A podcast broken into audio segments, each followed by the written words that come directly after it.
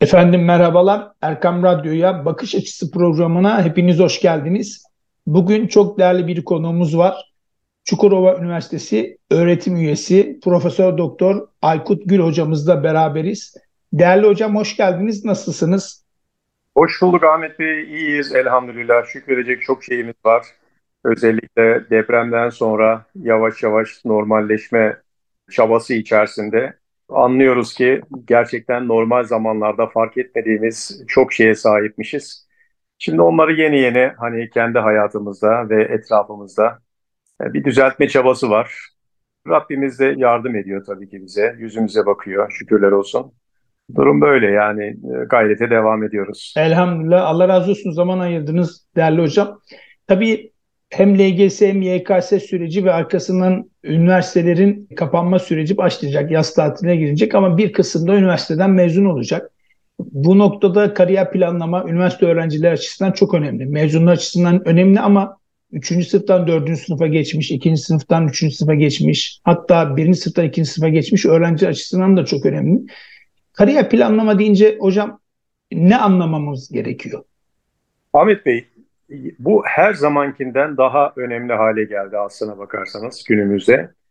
Yani gençlerde benim hem kendi çevremde hem de üniversitede tabii uzaktan e, eğitimi online ya da hibrit yapıyoruz birçoğunu ama daha az diyalog kurabiliyoruz. Ama üniversitenin dışında da bizim e, çeşitli gençlik kuruluşlarıyla e, temaslarımız var. Onlarla bir araya geliyoruz. Açıkçası şöyle bir şey var bende, gözlemim var hiçbir dönemde olmadığı kadar bir ne diyeyim gelecekle ilgili bir karamsarlık görüyorum. Çok ciddi sıkıntılar var. Psikolojik sorunlar çok fazla. Yani bunu bir kısmını pandemiden gelen yara var tabii ki. O dönemde ciddi yara alındı ve şimdi onun izleri görülüyor. Özellikle de gençler evde ekran başında böyle yani 24 saatin belki de uyanık kaldıkları zamanın tamamını geçirdiler. Ve bizler de aslında e, eğitimciler, anne babalar maalesef ki çok da onlar ne yapıyorlar bilemedik. Yani hemen yanı başımızda halbuki belki de 10 bin kilometre ötelerde başka birileriyle idiler. Ve şimdi onların bir takım böyle bocalamalarına şahitlik e, ediyoruz. E, arkasına işte bir takım ekonomik anlamda da sıkıntılar yaşandı. E, devamlı ediyor. Tabii dünya yaşadı bunu. Ülkemize de yansıdı neticede. Ve arkasından da bizim yani özellikle de deprem bölgesine baktığımızda 11 il, 13,5 milyon insan. Yani burada da çok ciddi sıkıntılar yaşandı. İnsanlar da belki de özellikle benim gördüğüm yani sadece gençler değil toplumun tüm kesimleri kendilerini belki de ilk defa sorgulamaya başladılar. Hayatın anlamı konusunda sorgulamalar başladı. Şimdi burada hayatın anlamı konusunda bir anlamlandırma yapabilenler kendilerine bir cevap bulanlar böyle tabiri caizse level atlıyorlar. Bir üst basamağa geçiyorlar. Ama e, bunun cevabını bulamayıp yani işte gününü bir şekilde geçirme, eğlenceyle geçirme ya da kendini uyuşturarak diyelim. Tabii bu uyuşturucunun çeşitli şekilleri var. Yani başta buna e, dijital bağımlılık olmak üzere geçirmeye çalışan bir kitleyi görüyoruz. Yani bu bizi gerçekten çok üzüyor. Bu anlam arayışı noktasında eğitimcilerin ve e, ailelerin çok büyük sorumluluğu var. Sivil toplumun çok büyük sorumluluğu var. Peki başarılı oluyor muyuz? Bana göre başarılı olamıyoruz. Biz eğitimciler sınıfta kalıyoruz. Özellikle de üniversiteye baktığımız zaman akademisyenlerin genelde öncelikleri biraz daha böyle hani bir takım danışmanlıklar, ek dersler, projeler, oradan elde edilen bir takım gelir kaynakları. Ama yani bizim asli işimiz e, eğitim, öğrenci yetiştirmek netice itibariyle bu topluma adam yetiştirmek. Fakat bunun hani maddi karşılığı çok görülemeyince de o yana çok da motive olmuyorlar maalesef ki. Bu bizim en büyük sıkıntımız. Halbuki bizim her şeyi bırakıp her bir gençle ciddi bir şekilde ilgilenmemiz gerekiyor. Onları yönlendirmek anlamında. Çünkü benim mesela özellikle de gençlere sohbetlerde falan kariyerle ilgili yaptığımız programlarda söylediğim bir Dostoyevski'nin çok hoşuma giden bir sözü var. Tanrı olmasaydı her şey mübah olurdu diyor. Yani şimdi Allah inancının kaybolduğu bir toplumda artık her şeyi bekliyorsunuz. Ateizmin, deizmin yayıldığı bir toplumda bir, bir enerjiniz bir yere kadar gidiyor. Bir yerden sonra bu mu diyorsunuz? Yani öteki alemle ilgili kafanızda bir şey yoksa E, her şey size anlamsız gelmeye başlıyor. Ve burada tabii ki özellikle de Viktor Frankl'ın bir sözü, belki daha önceki programımızda da yanılmıyorsam bahsetmiştik, konuşmuştuk sizinle. Evet. Hayata ümitle ve anlam duygusuyla bağlananlar hayatta kaldı diyor. Şimdi böyle bir ışık görmüyorsanız, yani hayat anlamsız geliyorsa, o zaman sabah erken kalkmak için hiçbirimizin bir gerekçesi olmuyor. Yani sabah hani sabah namazına kalkmak anlamında kastetmiyorum. O zaten bireysel ibadetler, inananlar bunu yapıyorlar. Ama hani dünyalık anlamında baktığınızda, bir yerlere ulaşmak anlamında baktığınızda da mesela dünyadaki en büyük şirketlerin CEO'ları sabahleyin dörtte kalkıyorlar, beşte kalkıyorlar. Ama bizim şöyle özellikle de gençlere baktığımız zaman sabaha kadar oturup o kalkılan saatlerde yattıklarını ve günü tamamen ciddi anlamda heba ettiklerini zamanı görüyoruz. Tabii gelecekle ilgili kariyer meselesinde evvelden üniversite diploması aldığın zaman birçok kapılar açılıyordu. Ondan sonra dedik ki e, diploma yeterli değil, altının doldurulması lazım. Neyle doldurulması lazım? İşte sertifikalar ve diğer bir takım yeterlilikler. E şimdi onu da herkes almaya başladı. Sertifikaları toparlamak da çok zor değil artık. Uzaktan bir takım eğitimlerle, e, bir takım şeylerle onlar da alınabiliyor. Fakat bizim özellikle gelecekte yani bu dijitalleşme sonrasında e, hep konuştuğumuz bir şey var. İşte siz üniversiteye girdiniz, çıkıncaya kadar mesleklerin yarıdan çoğu kaybolmuş oluyor. Yeni yeni meslekler ortaya çıkıyor bu dijitalleşme ile birlikte. Ve özellikle de yapay zeka. Yani şu an yapay zekada bir patlama yaşanıyor. Halka da herkesin kullanımına da açıldı. Ve ciddi tartışmalar var o anlamda. Şimdi ben şahsen bir akademisyen olarak, bir eğitimci olarak yapay zekanın gelişiyle ilgili çok fazla tedirginliklerim var. Ama tedirgin olmak değil de oradaki tehditleri bertaraf edip fırsatları yakalamak gerektiğini düşünüyorum. Yani e, yapay zekayı dijitalleşmede belki birçoğumuzun yaptığı hataya düşmeden yapay zekayı bir tarafa atmaktansa atmaktan ziyade bizim yapmamız gereken şey yapay zekayı yanımıza bir araç olarak, yardımcı olarak alabilmek, onunla birlikte yol yürüyebilmek. Dolayısıyla gelecekteki meslekler hep bunun üzerine e, şekillenecek. Ama bunu yapabilmek için de hani dedim ya sabahleyin erken kalkmak için bir nedeninizin olması lazım. Yani yarın sabah erken kalkacağım ve kendimi bir yarım saat, bir saat işte belli bir çalışmaya vereceğim. Bununla ilgili olarak akşamdan niyetiniz olacak ve sabahleyin alarma bile gerek duymadan kalkacaksınız ibadetinizin yanı sıra o amacı gerçekleştirmek üzerine ona odaklanacaksınız. Bunun için de tabii ki bizdeki en büyük sorun dediğim gibi hayatın anlamıyla alakalı bir problemimiz var. Bir de adanmışlık noktasında sıkıntı var. Yani tarihten örnekleri bir yığın örnekler var. Sizlerin de bizim kendi tarihimizden verebileceğiniz hep konuştuğumuz işte Fatih Sultan Mehmet Hazretlerinin İstanbul'un alınması ile ilgili gece gündüz hep biz saraylarda böyle günlü gün ettiklerini böyle bir takım kesimler hep böyle söyleye dursunlar. Onlar uyumamışlar ki oraya kilitlenmişler. Sürekli projeleri kendileri yapmışlar. Ne bileyim meşhur o topun çizimini, mimarisini bilmem nesini kendileri yapmışlar. Bunlar çok önemli. Bir adanmışlık var orada. E şimdi bizde bu eksik. Yani bu sadece bir, bizde değil Batı toplumuna baktığımızda da kendilerine göre çok ciddi bir adanmışlık var. Biz onu yakalayamıyoruz ve çok büyük bir eksiğimiz bu. Yani bu anlamda bu e, Lawrence çok bilinen bir karakter tarihte, Orta Doğu'da maalesef ki oradaki milletleri Osmanlı'ya karşı kışkırtmaya çalışan, bizden gibi davranan, bizden daha çok bizden görünen, e, tam böyle Müslüman görünümlü, Arapçaya, Kur'an-ı Kerim'e, tüm ilimlere hakim. Şimdi böyle bir karakter, bir casus. Ben bununla ilgili de bir daha önceden belki sizinle de paylaştık bir yazı yazmıştım adanmışlık üzerine. E, şimdi bir sözü var beni çok etkileyen. Müslüman rolünü o kadar iyi oynadım ki yalnızken bile gece namazına kalkıyordum. Yani bu dehşet bir şey. Yani biz gece namazını ihmal ediyoruz, sabah namazına uyanamıyoruz. Vatandaş rolü icabı kendini o kadar kaptırmış ki teheccüde kalkıyorum diyor. Düşünebiliyor musunuz? Bu dehşet bir şey. Yani biz bu adanmışlığı yakalayamazsak, o 24 saatin nasıl geçtiği noktasında ya da dikkatimizi nereye verdiğimiz noktasında kendimizi toparlayamazsak bizim konuştuklarımızın hiçbir anlamı kalmaz. Üniversitenin kalitesi, hocaların kalitesi, ondan sonra aile, imkanlarınız vesaire bunlar hiçbirisi yerini bulmaz diye düşünüyorum. Yani bu noktada bizim önce eğitimciler ve aile olarak mutlaka ve mutlaka bu şuuru verebilmek lazım. hayatın anlamı konusunu ıı, sık sık tartışmak lazım. Eğer biz yeterli kalamıyorsak, izah edemiyorsak bir bilere götürmek lazım. Yani birileriyle temas kurdurmak lazım ki bunu anlatabilsinler. Onu yakaladıktan sonra bana göre herkeste yeterli e, bir yerlere gelebilmek için vasıflar, imkanlar fazlasıyla var diye düşünüyorum. Her gençte bu imkan var.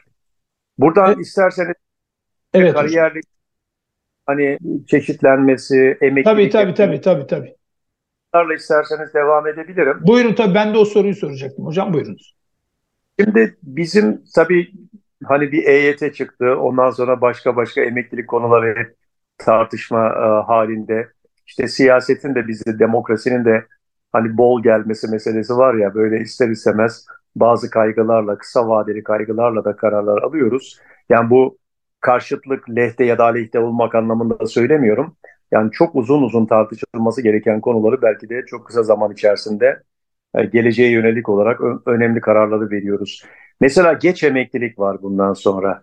Yeni başlayacak olan, hayata atılacak olan bir genç arkadaşımız. O e, mesleği belki yarım asır yapıyor olacak ve o yaptığı tercih kendisini etkileyecek. Bir zamanlar böyle derdik. Hani uzun çalışma hayatı aslında 50-60 yıl. Ama o mesleği de aslında bizim ben üniversitede başladım. İşte e, üniversitede emekli olacak aşamaya geldik şükürler olsun. Ama bundan sonrakilerde öyle hani girdin orada 25 sene, 30 sene, 40 sene aynı yerde çalış. Böyle bir şey de kalmıyor artık. Neden? Çünkü meslekler hep değiştiği için. Çalışmakta olduğunuz yerde sizinle ilgili olarak yeni yeni vasıflar istenecek. Çünkü yok olan meslekler, değişen meslekler, şekil değiştiren meslekler.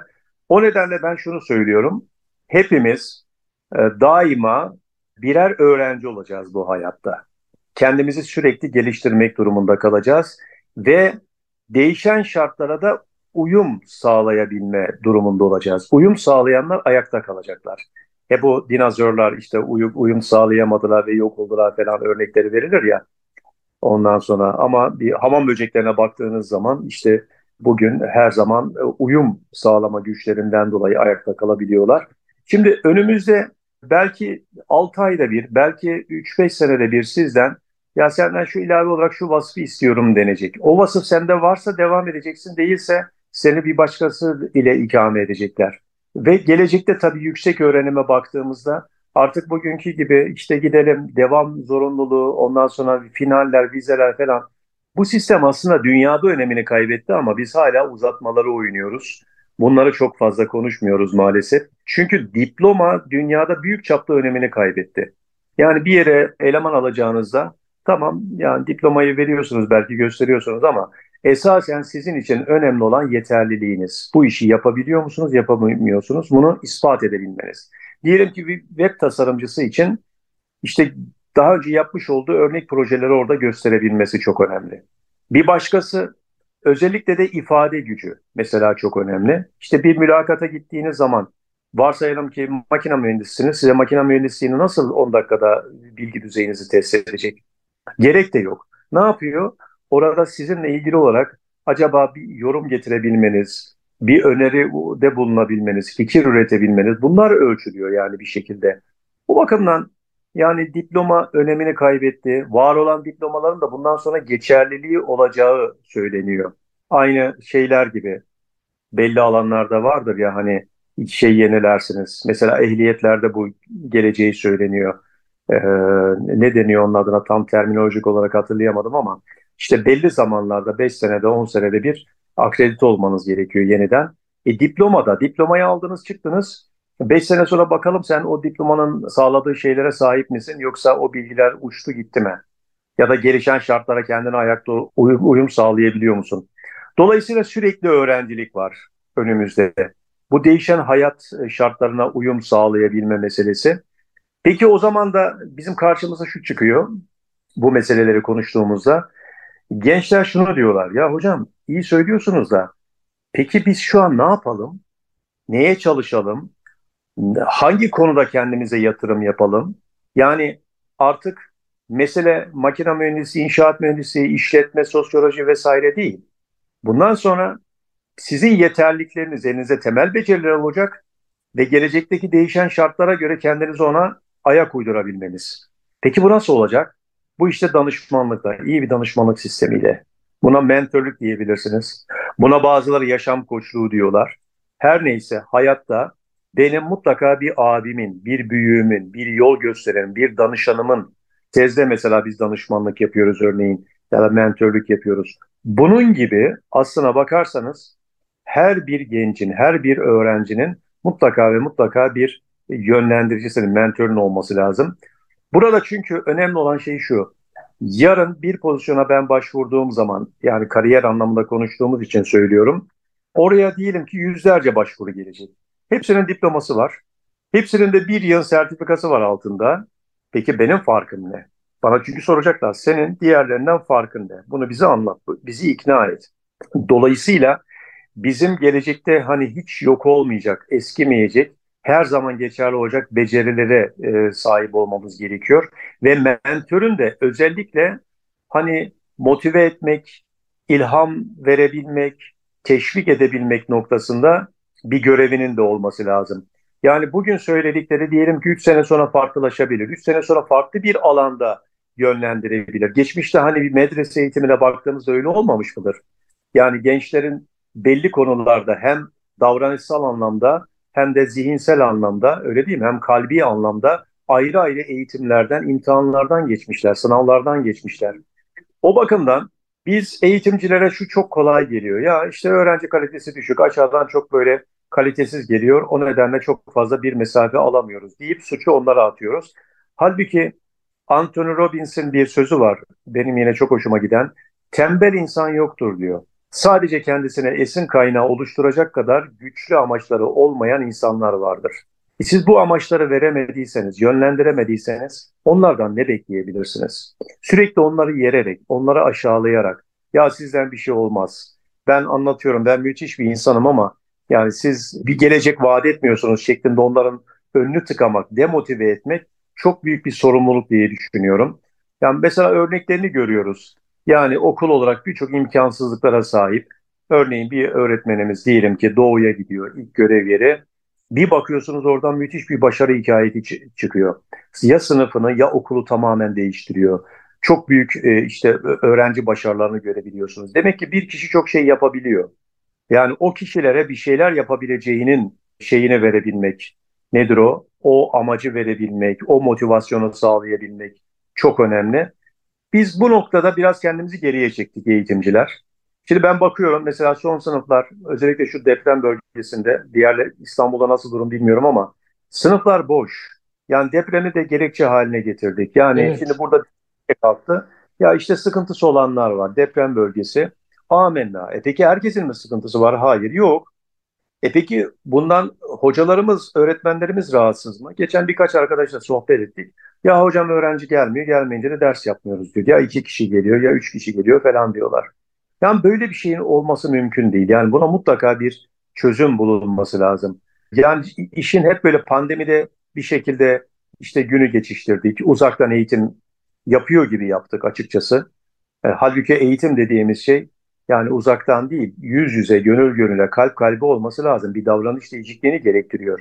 Belli zamanlarda zorunluluktan bunu yapabilirsiniz ama bunu sürekli hale getirirseniz, aa böylesi de çok iyiymiş ya falan derseniz bu olmaz. Bizde mesela tez savunmalarında bile şimdi e, bize geliyor yani ne kadar bunu söylemek doğru bilmiyorum ama ya bütçemiz yok falan deniyor enstitüden mesela. Yani jürileri oluşturun ama online yapın. Ya yüz yüze yapmayla beş tane hoca, işte bir tane doktoran savunma, savunmada diyelim ki, sizin orada yüz yüze yapacağınız tartışmalarda, e, işte bizim şimdi yaptığımız gibi bu bir mi yani mümkün mü? Şimdi sizinle ben eminim karşı karşıya şöyle çayımızı yudumlarken kalp kalbe bu konuşmayı yapıyor olsak, e, bunun şeyi çok daha farklı olabilir. Öyle değil mi etkileşimi? Yani oradaki o samimiyet, e, atmosfer. Kesinlikle o yüz yüze göz göze olmayı e, şey yapabilmek lazım. Biz bunları bertaraf ettik. Biraz daha mekanik hale geldi maalesef ki. O bakımdan belki bundan sonraki kısımla ilgili olarak şunu dilerseniz gelecekte peki hani hep söylüyoruz ya yani temel beceriler neye sahip olunması lazım? Gelecekte meslekler hep değişiyor, şekil değiştiriyor. Ben buna uyum sağlamak noktasında olmazsa olmazlar nelerdir? Neye sahip olmam gerekiyor bugünden? İsterseniz o kısımla devam edebilirim. Nasıl isterseniz. Hocam çok iyi olur çünkü kariyer noktasında ciddi anlamda öğrencilerimizin hatta okulu bitirdikten sonra iş arayışına girip iş noktasında sıkıntı yaşayıp acaba bir alan değişikliğine mi gideyim diyen ve çok fazla öğrenci var. Yani daha doğrusu çok fazla mezun var diyelim. Bu noktada hocam birazcık daha bizi aydınlatırsanız memnun oluruz. O alan değişimi ile ilgili dediğiniz için hemen oradan ben Olur tabii.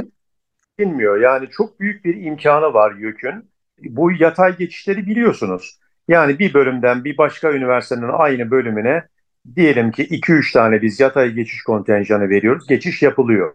Ama bu çok sınırlı kalıyor. Yani sayı çok az olduğu için. Şimdi bugün geldiğimiz noktada bir YÖK'ün merkezi yatay geçiş sistemi var. Bu çok büyük bir imkan tanıyor. Nedir bu imkan? Siz diyelim ki birinci sınıfı okudunuz. Çok da isteyerek geldiniz ya da istemeyerek geldiniz. Bir yılın sonunda dediniz ki ya ben bu bölümde okumak istemiyorum. Bu bölüm bana göre değil. Ben yanlış tercih yapmışım. Siz bir önceki yıl elde etmiş olduğunuz puanla ya da bir başka puan türüyle yani illa sayısalla mesela mühendislik okuyorsunuz eşit ağırlık puanınızla geçen yılın tutturabildiğiniz farklı üniversitelerin farklı bölümlerini dahi tercih edip onlara geçe, geçebiliyorsunuz. Peki kontenjan 2-3 mü? Hayır değil. %30 kontenjan var. Bu %30 çok müthiş bir sayı. Yani 100 kişilik bir bölümde 30 tane dışarıdan yatay geçişte alım yapılıyor demektir. Bunun çok örnekleri var. Benim anlattığım öğrenciler bu yola çok başvuruyorlar. Tekrar ediyorum. Yani makine mühendisliğine ne bir örnek veriyor. Makine mühendisliğinden makine mühendisliğine bir başka üniversiteye geçmeyi kastetmiyorum. O da var. O da var. Ama diyelim ki bir makine mühendisliğinden hukuk fakültesine geçebilmek. Tıp fakültesinden atıyorum işte bir bilgisayar mühendisliğine, endüstri mühendisliğine geçebilmek. Bunların hepsi mümkün. Bununla ilgili olarak şeyler var. Nedir o? E, YÖK'te bununla ilgili yönetmelik var. Şartlar da çok kolay. Bir dilekçeyle eğer puanınız tek şart o, o yılın taban puanı tutuyorsa, yani tercih etseydiniz, o bölüme giriyor idiyseniz ama tercih etmediniz, başka bir yere tercih ettiniz ve oraya girdiniz, o bölüme başvuru yapabiliyorsunuz ve %30 büyük bir kontenjan olduğu için çok rahatlıkla geçiş yapıyorsunuz. Sonrasında da sonrasında da diyelim ki okudunuz bir yıl geçti, geçtiğiniz yerde yeni bir üniversiteye geçtiniz, yeni bir bölüme geçtiniz. Olur ya hani ya ben pişman oldum aslında çok hata yapmışım deyip tek bir dilekçeyle de eski yere te- tekrardan dönüş yapabiliyorsunuz. Bu müthiş bir şey. Yani kalkıp 4 sene, 5 sene o şeyi çekmek, eziyeti çekmek, sonrasında da o mesleği yapmak zorunda kalmak çok kötü bir şey. Yeniden sınava girmenize gerek yok. O aldığınız puan türüyle bir başka bölüme geçme imkanınız var. Bunu ben özellikle söylemiş olayım. Şimdi bizim dilerseniz hani bu sahip olması gereken temel beceriler noktasında hatırladığım kadarıyla ne kadar oldu biz en son iki sene önce mi bir program yapmıştık öğrenmeyi öğrenme noktasında. Birincisi, Yaklaşık bir buçuk iki sene civarında hocam. Pandeminin e, sonlarına doğru falandı galiba yanılmıyorsam. Doğru. Ee, o zaman hatta stüdyoda yapmıştık galiba İstanbul'da. Yok bir tanesini e, yine böyle uzaktan erişimle yapmıştık. E, sonrasında stüdyoya sizi davet etmiştik. Öğrenmeyi öğrenme bana göre. Olmazsa olmaz. Hepimiz için gerekli. Ve ben bunu özellikle de üniversite son sınıflardan o, o dönemlerde öğrendiğim için çok kendimi şanslı görüyorum. Yani bugüne kadar yeni bir şeyler öğrenme noktasında izlenecek yol, yeni bir bilgiyi elde edebilmek, onu hazmedebilmek ve daha sonra da karşı tarafa an, anlatabilmek noktasında şahsen kendimi eğittiğimi düşünüyorum. Hala da eğitmeye çalışıyorum. Devam ediyorum yani bu süreçte. Şimdi bu öğrenmeyi öğrenme neden önemli? Az önce dedim ya sürekli öğrenci olacaksınız. Sürekli de size birileri anlatmayacak. Oturup belli bir konuda belki de bir gecede çalışıp birkaç saatlik çalışmayla o konunun neredeyse uzmanı haline gelebilmeniz mümkün. Şimdi bu anlamda bakın e, az önce söylemiştim yapay zeka çok büyük fırsat sunuyor. Şimdi yapay zeka bakın ben yazabildiği şeylere, metinlere baktığım zaman köşe yazısı olabilir, makale olabilir vesaire. Dehşete kapılıyorum. Çok müthiş şeyler yazıyor. Ama diğer taraftan da keşfedebildiğim bir şey var. Çok kuru. Yani robotumsu. Çok öyle içinde ruh yok yazının. Yani bir insanın yazmadığı, bir yapay zekanın yazdığını oradan fark edebiliyorsunuz. Sonra e, bizde hadi biraz bazılarımızın böyle cin fikirliği vardır ya, ya ben buradan yazdırırım, sonra buradan bir tez çıkartırım, veririm, işte falan. Daha sonra bu ödevler ve tezler oradan yapılmaya başlandı. Şimdi bu yöntem doğru değil. Yani yapay zekanın böyle hazır kullanılması ve alın terinin içerisinde olmaması. Bu yanlış. Peki doğru olan ne? Gelecekte bakın bugünden başlayarak şu an dünyada bu çok popüler olan bir meslek haline geldi. Türkçe karşılığını tam bilmiyorum. Prompter mesleği, prompter. Prompter dediğimiz ne biliyor musunuz? Şimdi yapay zekadan siz soruyorsunuz ya, bilgi alıyorsunuz. Evet. Değil. Habercilerin okuduğu karşısındaki prompterler, onları onu kastetmiyorum. Burada hani şeyin karşısına anahtar kelimeyi falan giriyorsunuz ya. Sonra yapay zekadan bilgi alıyorsunuz. Ondan sonra şimdi benim mesela yaptığım denemelerde verilen bilgiler genel, geçer, etliye, sütliye dokunmayan, karışmayan bir takım bilgiler. Mesela geçenlerde Medium'da yazarken işte ölüm konusuyla ilgili bir şeyler sordum. Yine böyle genel geçer, herkesin bildiği, yazabileceği şeyler verdi. Sonra biraz zorladım. Bir, birkaç soru daha arkasına, birkaç şey daha böyle karşılıklı. En son geldiği noktada şunu şey yaptı. Yani ölümle ilgili veya ölüm korkusuyla baş edebilme noktasında bir Allah inancının olması, Allah demiyor tabii Tanrı inancı olarak bir yaratıcının olduğu, bunun işi kolaylaştırdığını, ateizmin bunu zorlaştırdığını falan. Bu, bu, bu tür şeyler zorlamayla tabii siz istediğiniz zaman bunlar oradan alabiliyorsunuz karşılığını. Buradan şuraya geleceğim. Hani bir mecliste kalkarsınız bir soru sorarsınız ve o sorduğunuz sorunun kalitesi sizin seviyenizi belirler. Doğru mu Ahmet Bey? Yani o soruyu evet. sorabilmek Evet hocam. Sorunuzdan belli olur. Aa bu kişi gerçekten bu konuya hakim ya da ne kadar güzel bir soru falan dersiniz. İşte benim söylediğim prompter mesleğinde de bu var. Şimdi yapay zeka kendinden bir şeyler söylemiyor. Ne yapıyor? Gidiyor arkasındaki devasa e, kütüphaneyi kullanıyor değil mi? İnternet deryasındaki o deryasındaki büyük ha- şeyi kullanıyor. Bilgi havuzunu kullanıyor.